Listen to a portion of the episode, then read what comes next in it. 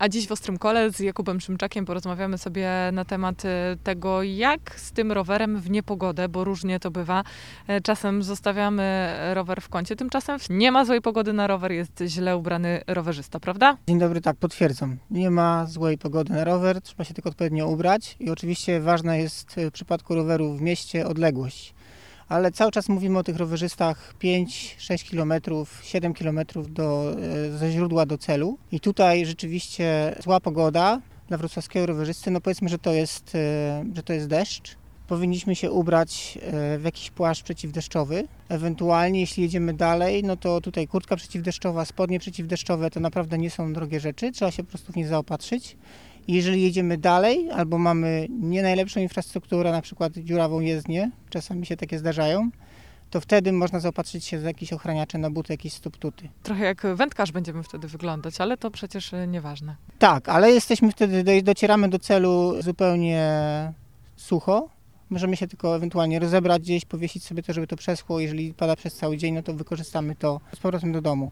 Natomiast jeśli chodzi o rower, no to na taką pogodę to obowiązkowe są błotniki. Z moich obserwacji niestety tak, no część rowerzystów wrocławskich nie używa tych błotników i raz, że są sami mokrzy, no bo często te koła jednak gdzieś tam tą wodę zbierają na ich plecach. To jeszcze wszyscy inni dookoła. Tak, właśnie. To jeszcze proszę pomyśleć o tych, którzy jadą za, za tym rowerem bez błotników. Oni niestety też są mokrzy.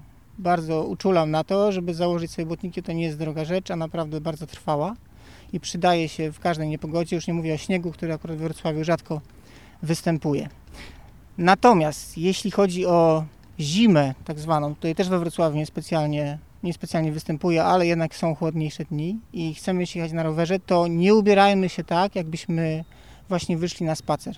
No bo właśnie, trzeba też zaznaczyć, że zima to niekoniecznie śnieg, tylko zima to też po prostu temperatury ujemne. W takich temperaturach też zachęcamy do jazdy. Jak najbardziej. Tak naprawdę y, jako rowerzyście nie jest trudniej jeździć w upale niż jak jest na przykład 5 stopni, 0 stopni, y, czy nawet minus 5. Wtedy tak naprawdę właśnie e, człowiek się nie poci, rozgrzeje się na samym rowerze, jest, jest bardzo, jest idealnie, że tak powiem. Natomiast przy upale to tak naprawdę jak się jedzie, jedzie, to jest jeszcze ok, ale jak się zatrzymamy na światłach albo gdzieś, to jest strasznie czasami przy takich 28 czy 35 stopniach. Czyli nie ubierajmy się tak jak na spacer, czyli jak?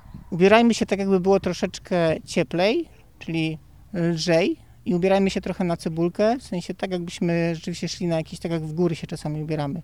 I wtedy, po tym kie- pierwszym kilometrze, kiedy jest nam trochę chłodniej, rozgrzejemy się i akurat będziemy w odpowiednio ubrani. Na pewno ważne są rękawiczki, na pewno ważna jest czapka, jakaś osłona na czoło.